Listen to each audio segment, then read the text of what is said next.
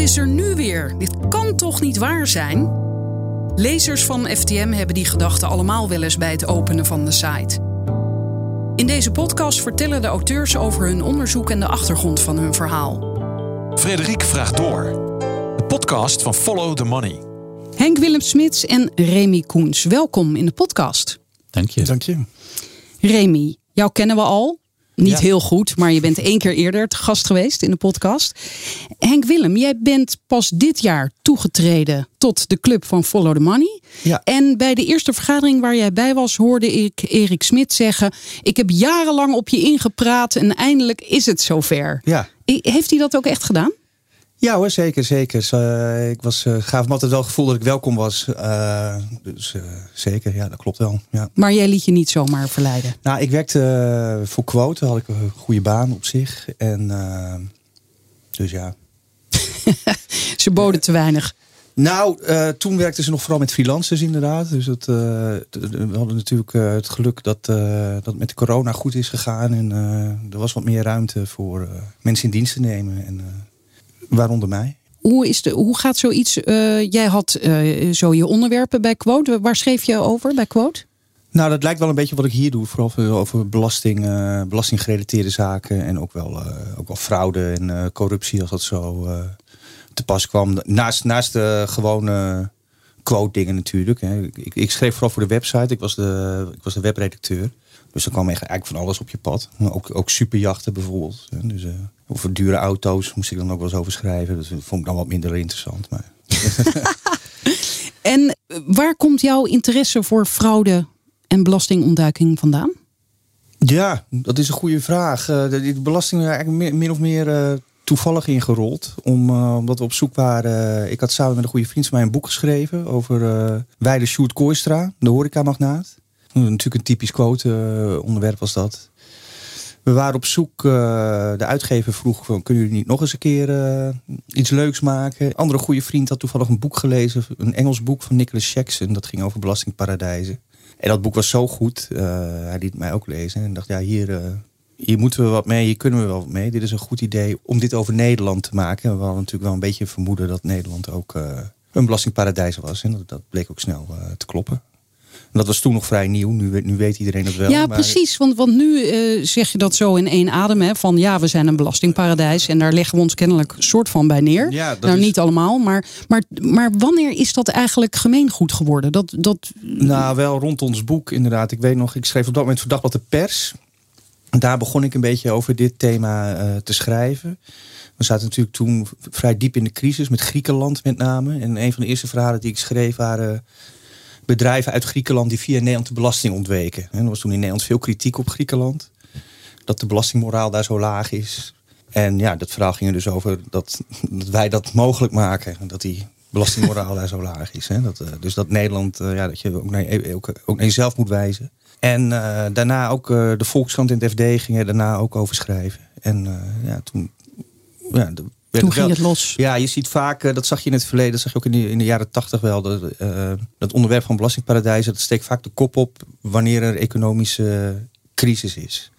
En, eh, Want dan zoeken we geld, extra ja, geld. dan, eh, dan gaat eh, iedereen ineens naar zijn portemonnee kijken. En kijken, ja, waar, waar, ga- waar vliegt mijn geld eigenlijk allemaal heen? Ja.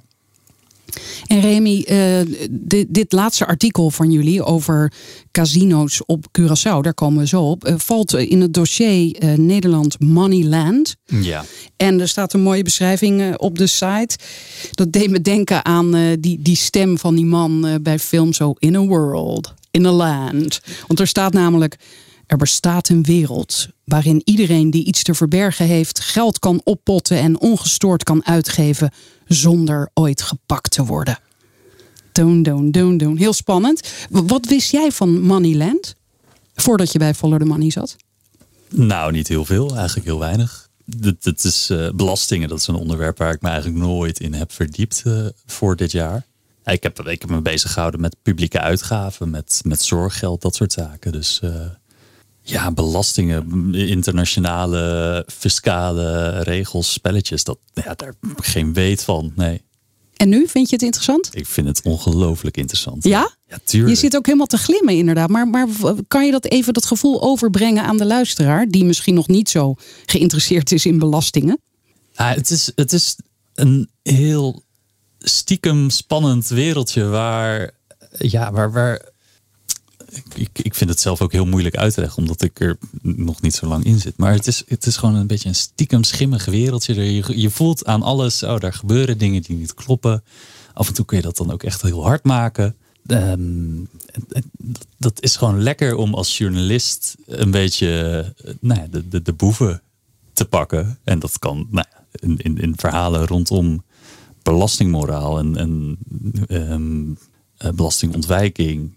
Uh, dat kan daar ontzettend goed. Dus daar, daar is het, nou, ik wil net niet zeggen prijsschieten, maar je hebt wel vaak beet. Dus dan is het eigenlijk eerder de vraag: wat gaan jullie onderzoeken in plaats van we moeten een onderwerp zoeken? Ja, het is altijd wel leuk, eh, vind ik, als je echt iets concreets uh, aan de hand van een concreet uh, iets in die, in die schimmige offshore wereld kan duiken. Ja, superjachten zijn natuurlijk dan heel leuk. Ja, want je, je laat nu de term offshore vallen. Dat is ook zo'n term die gewoon in de vergaderingen bij Follow the Money gewoon even zo genoemd wordt. Maar wat wordt daarmee bedoeld? Offshore betekent, uh, simpel gezegd, uh, dat je bankiert of zaken doet in een land waar je niet woont. Dus als je een bankrekening hebt in België, is dat al een offshore uh, rekening. Dus iedereen met een tweede huis in het buitenland, die is ook bezig ja, met offshore praktijken?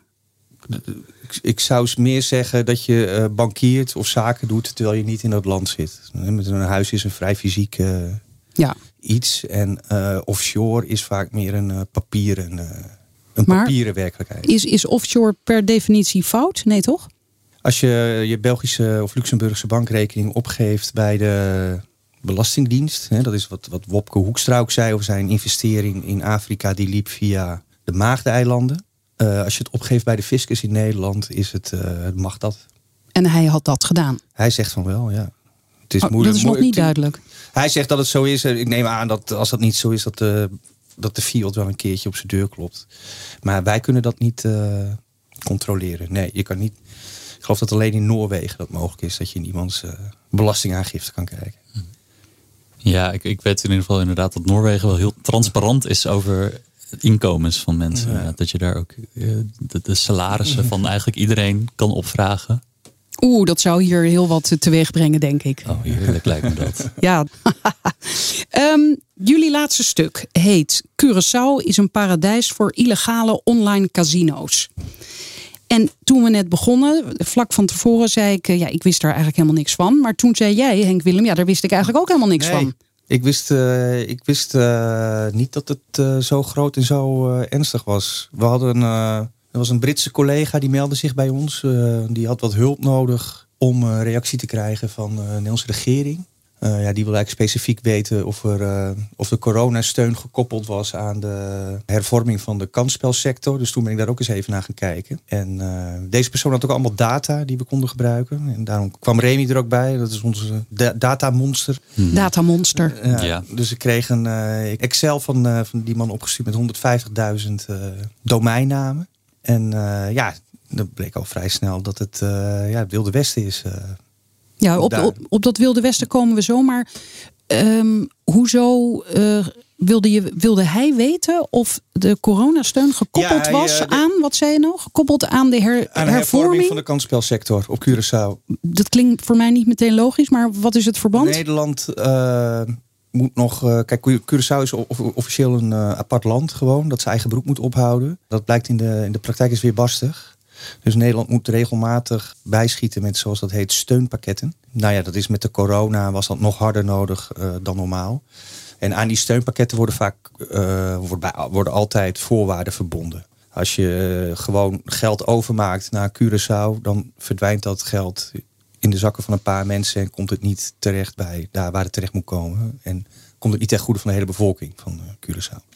En omdat uh, wij dan geld geven, kunnen daar voorwaarden aan gesteld worden. En dat nou, wil de regering kennelijk? Nou, Nederland stelt dan voorwaarden. En dan beloven, belooft de Curaçaose regering uh, daaraan te voldoen. En dan valt het in de praktijk ook vaak tegen. Maar is dat wel dan? Want dan zijn we weer een beetje de koloniaal. Dat is altijd de kritiek van Curaçao, inderdaad. Ja, nou ja, in zekere zin is dat misschien ook dat zo. Is, uh, Tot op zekere hoogte ook zo, ja. ja.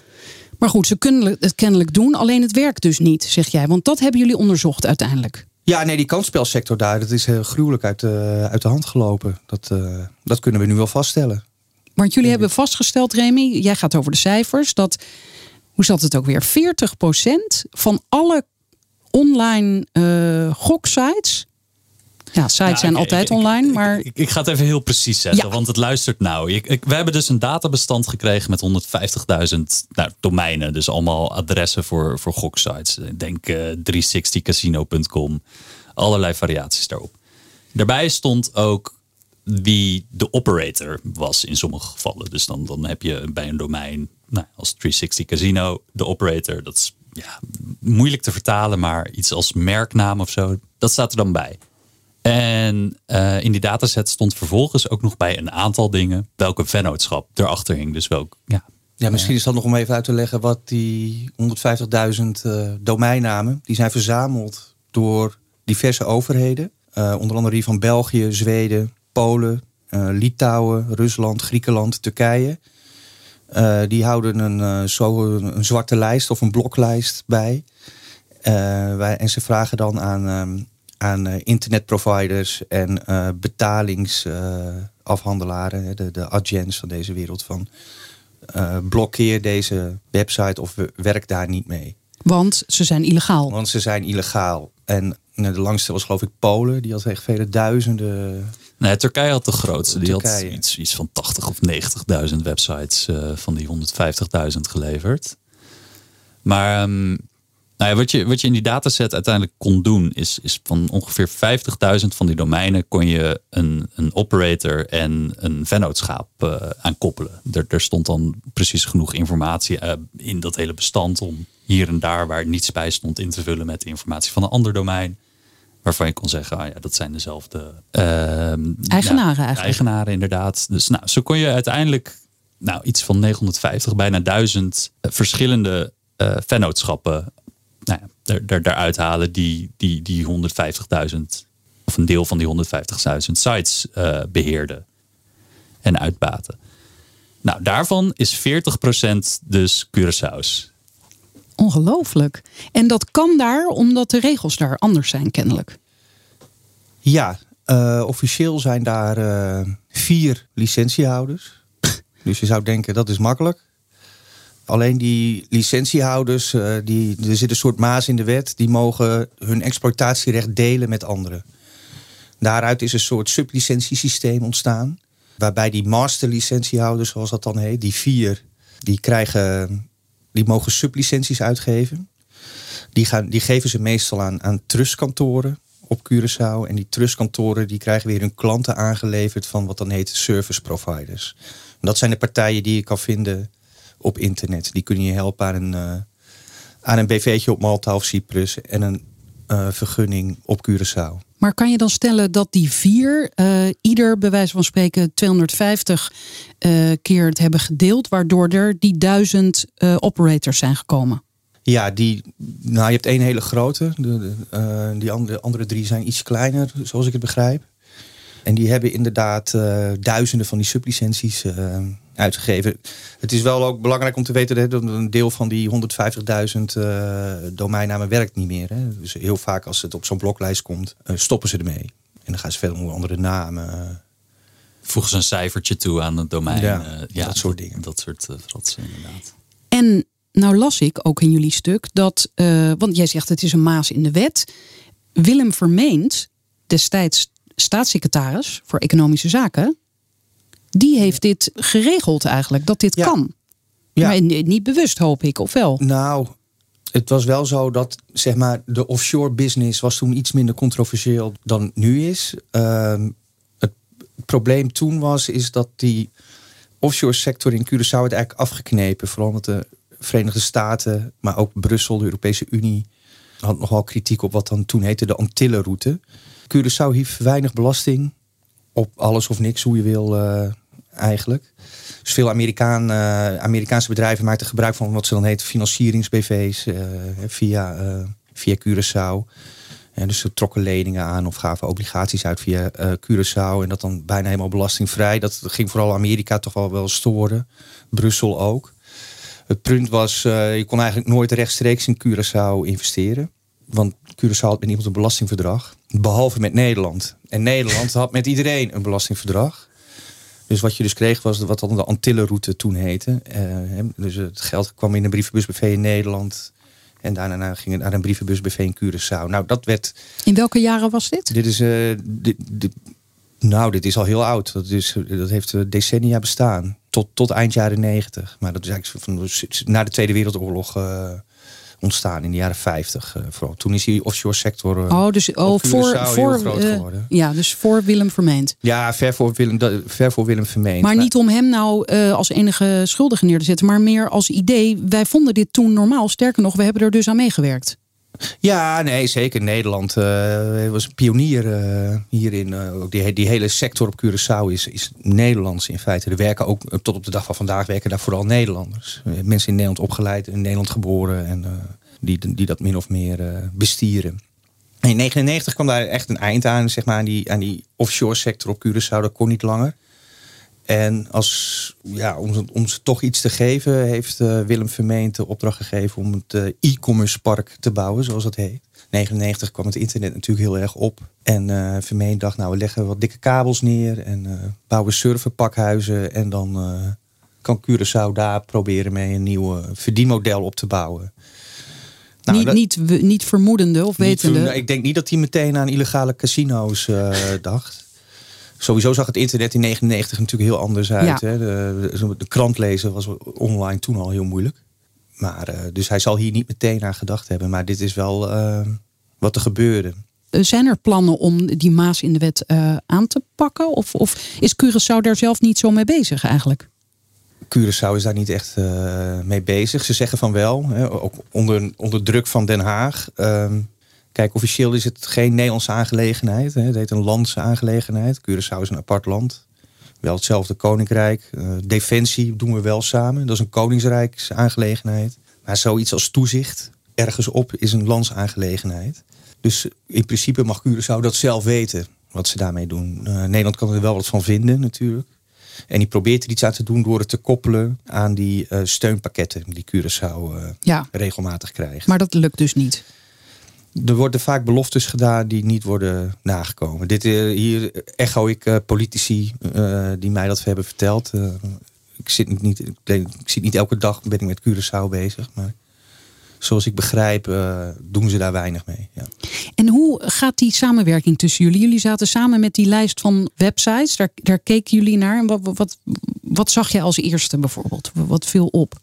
Ja, nou ja, als eerste zie je hoe ongelooflijk veel sites dat zijn dan moet je je bedenken, 150.000 goksites. Nou ja dat, dat, ja, dat is een gigantisch deel van het illegale, of nou ja, in ieder geval het online gokaanbod al. Uh, dus, dus, nou En dat betekent ook dat waanzinnig veel mensen kennelijk op die illegale goksites komen. Want ze hebben dus klanten. Of kon je dat niet zien? Dat kan je er niet uit opmaken. Nee, ja, dat kunnen, kunnen ook sites zijn uh, die een omzet draaien van 100 euro per jaar. Ja, dat, dat, dat kun je dan niet precies uh, inschatten. Maar, uh, maar hebben jullie bijvoorbeeld in je vriendenkring mensen die illegaal gokken?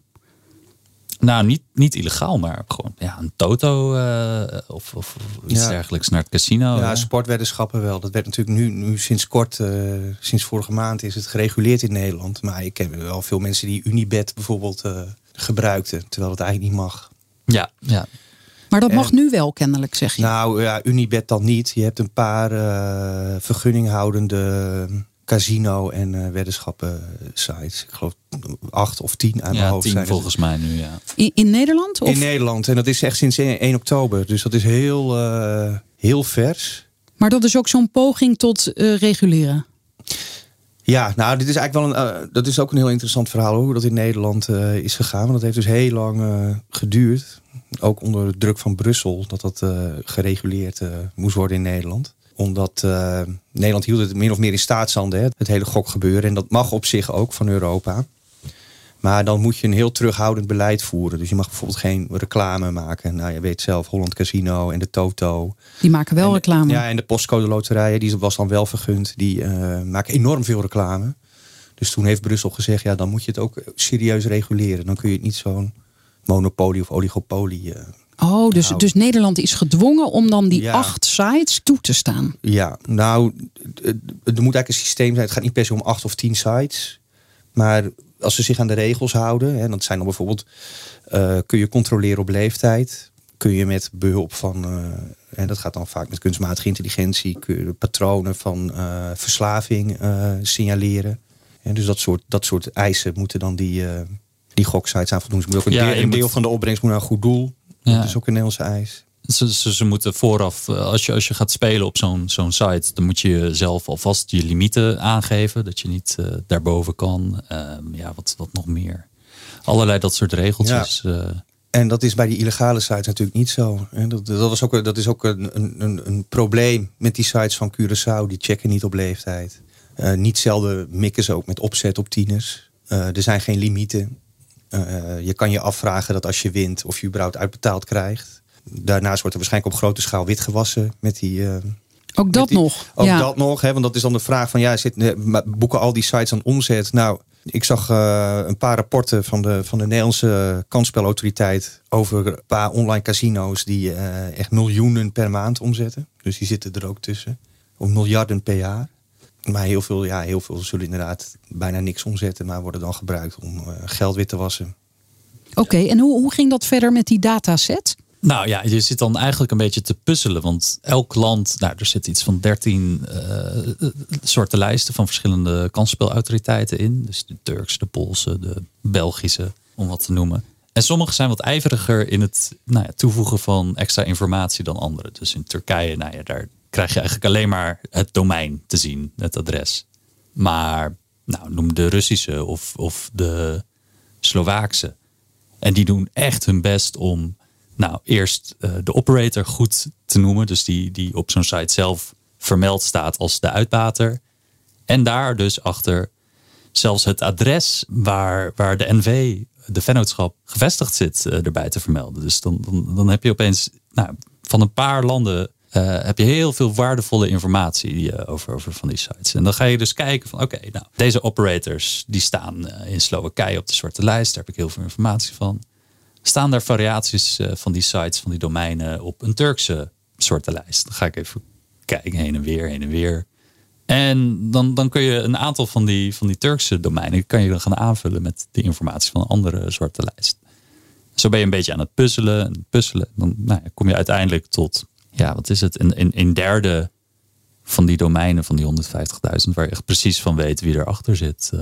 En heb je, je hebt toch niet bij al die sites ook gecheckt of ze inderdaad eh, nog eh, online zijn? Ja, dat heb ik wel gecheckt. Echt? Ja, maar dat, dat, ja, dat kan Nee, oké. heel automatisch. Oh, tuurlijk, Dus, sorry. ja. Ik dacht, ik, niet- zag jou even in midden in de nacht. ja. Enter. Oh, deze bestaat toch? Nee. Maar daar, daar zit ook nog wel een grote maar aan hoor. Want heel veel websites tegenwoordig zijn beveiligd tegen ja, DDoS aanvallen. Dus dat zijn van die eh, denial of service attacks. Dat zijn eigenlijk eh, ja, computernetwerken die massaal een site gaan bezoeken. Zodat die site onbereikbaar wordt. Omdat die server eh, het aantal bezoeken niet aan kan. Heel veel sites zijn er tegenwoordig voor beschermd. Dus die hebben een soort ja, een check of iemand een, een echte gebruiker is. Of dat het een computerscriptje is of een, een wat dan ook. En daardoor kan ik niet heel goed met zekerheid zeggen hoeveel sites er nog offline of online zijn. Want als ze zo'n bescherming hebben, dan zie ik ze als offline. Terwijl ze eigenlijk nog gewoon online staan. Nou ja.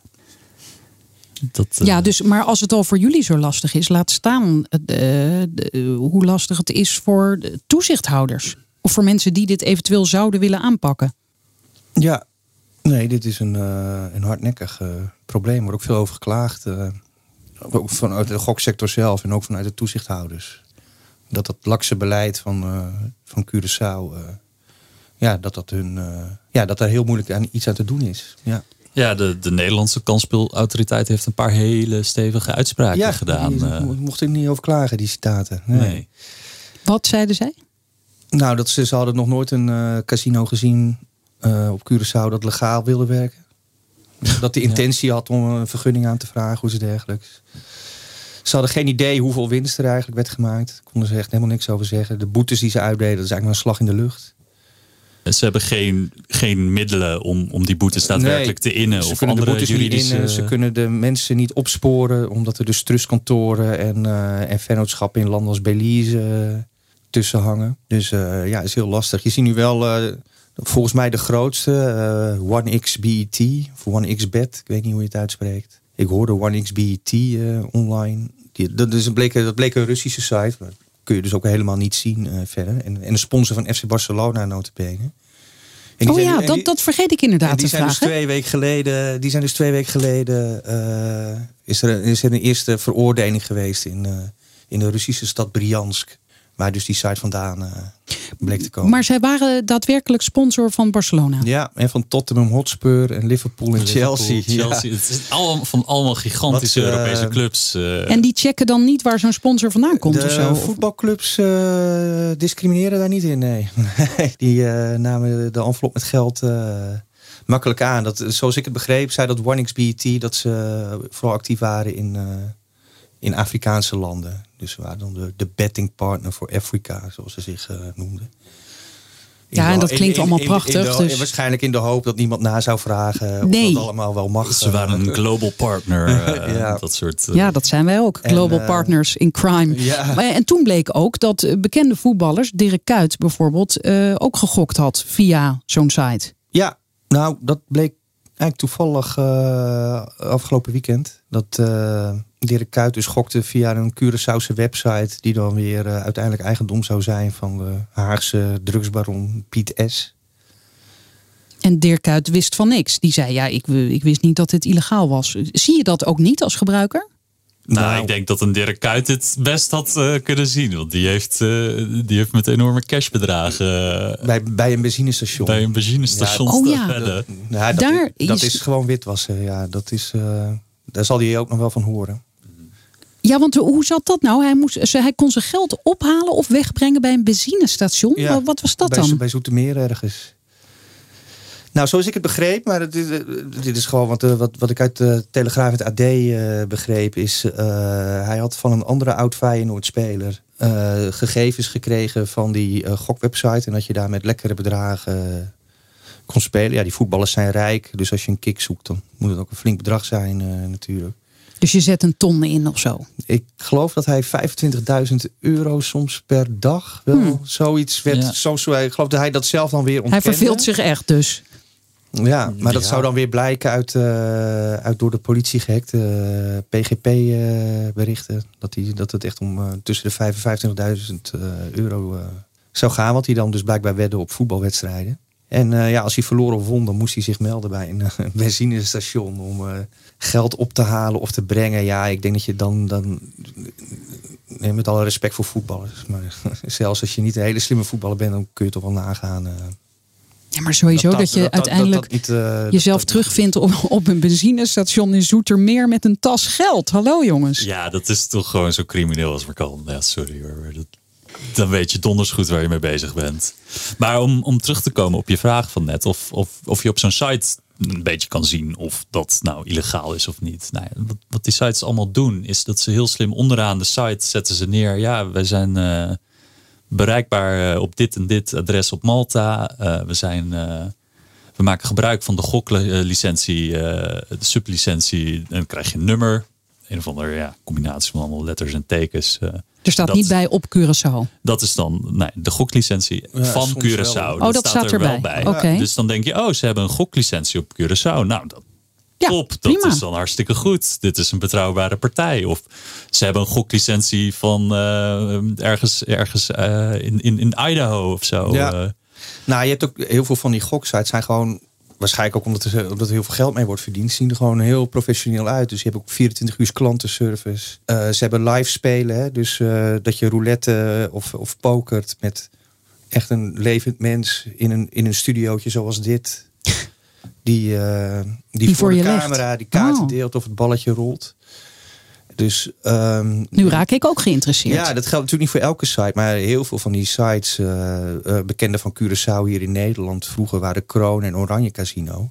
Nou, die hadden, die hadden live bingo bijvoorbeeld en, eh, en klantenservice 24 uur per dag. En dat waren dus ja, wel illegaal, maar echt gewoon helemaal normaal functionerende bedrijven. Ik voorzie wel voor als we inderdaad binnenkort weer een uh, lockdown krijgen, voorzie ik uh, weer een piek in het aantal spelers dan.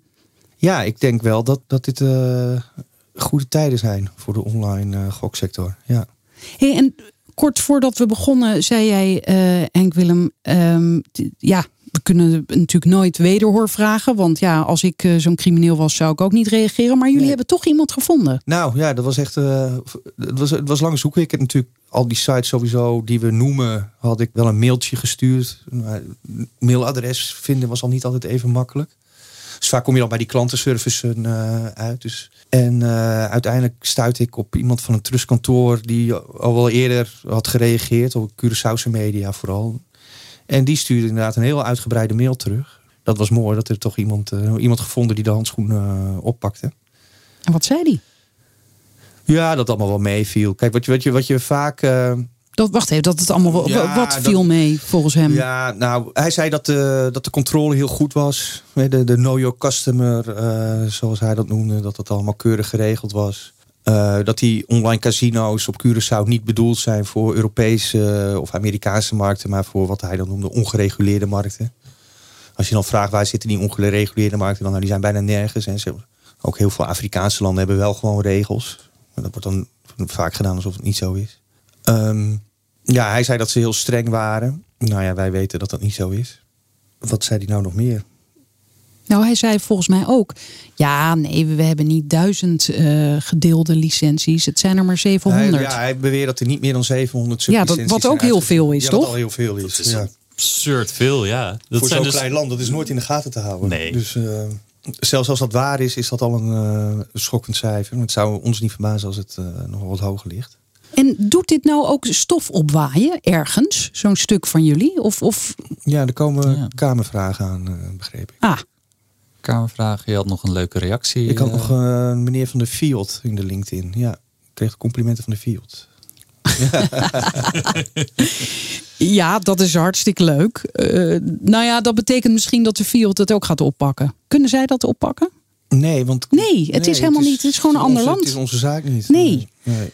Dus uh, ja, en dan eindigen jullie ook nog je stuk met, ja, vergeet niet, degene die het ooit wilde aanpakken, ja, die is vermoord. Herman Wiels, ja, die, die, die, die, dat, dat was eigenlijk iemand die... Uh, Wie was dat ook alweer? Herman Wiels was een minister op Curaçao, die eigenlijk ook heel lang wel... Kijk, de, de, de, de grote delen van de politiek op Curaçao worden gefinancierd vanuit de goksector. Niet alleen online, maar ook uh, land-based, zoals dat dan heet in vaktermen. Ja, je hebt daar casino's voor toeristen. Daar wordt natuurlijk ook goed geld verdiend. Het is dus sowieso die, een van de grootste inkomstenbronnen. Nou, dat is maar zeer de vraag. Want er zijn dus bijna geen belastingen. Oh ja. Dus die, oh nee, dus tuurlijk. Die, dat is juist het hele... er, is, uh, er is wel veel geld uh, om te besteden bijvoorbeeld aan politici. Dan, uh, los van even pure omkopen. Ook het financieren van uh, verkiezingscampagnes en dergelijke. Dat wordt vaak opgepakt door uh, mensen uit de goksector. En die Herman Wiels uh, draaide eigenlijk mee in dat systeem. Totdat hij dus zich op een bepaald moment ja, vroeging of iets dergelijks kreeg. En voornemens was toch op de, aan de kaak te stellen. En die is vermoord. Om die reden? Of? Ja, wel vanuit de hoek van, de, van de gokbranche. Ja, er wordt dan er wordt gekeken naar Robbie Dos Santos heet hij.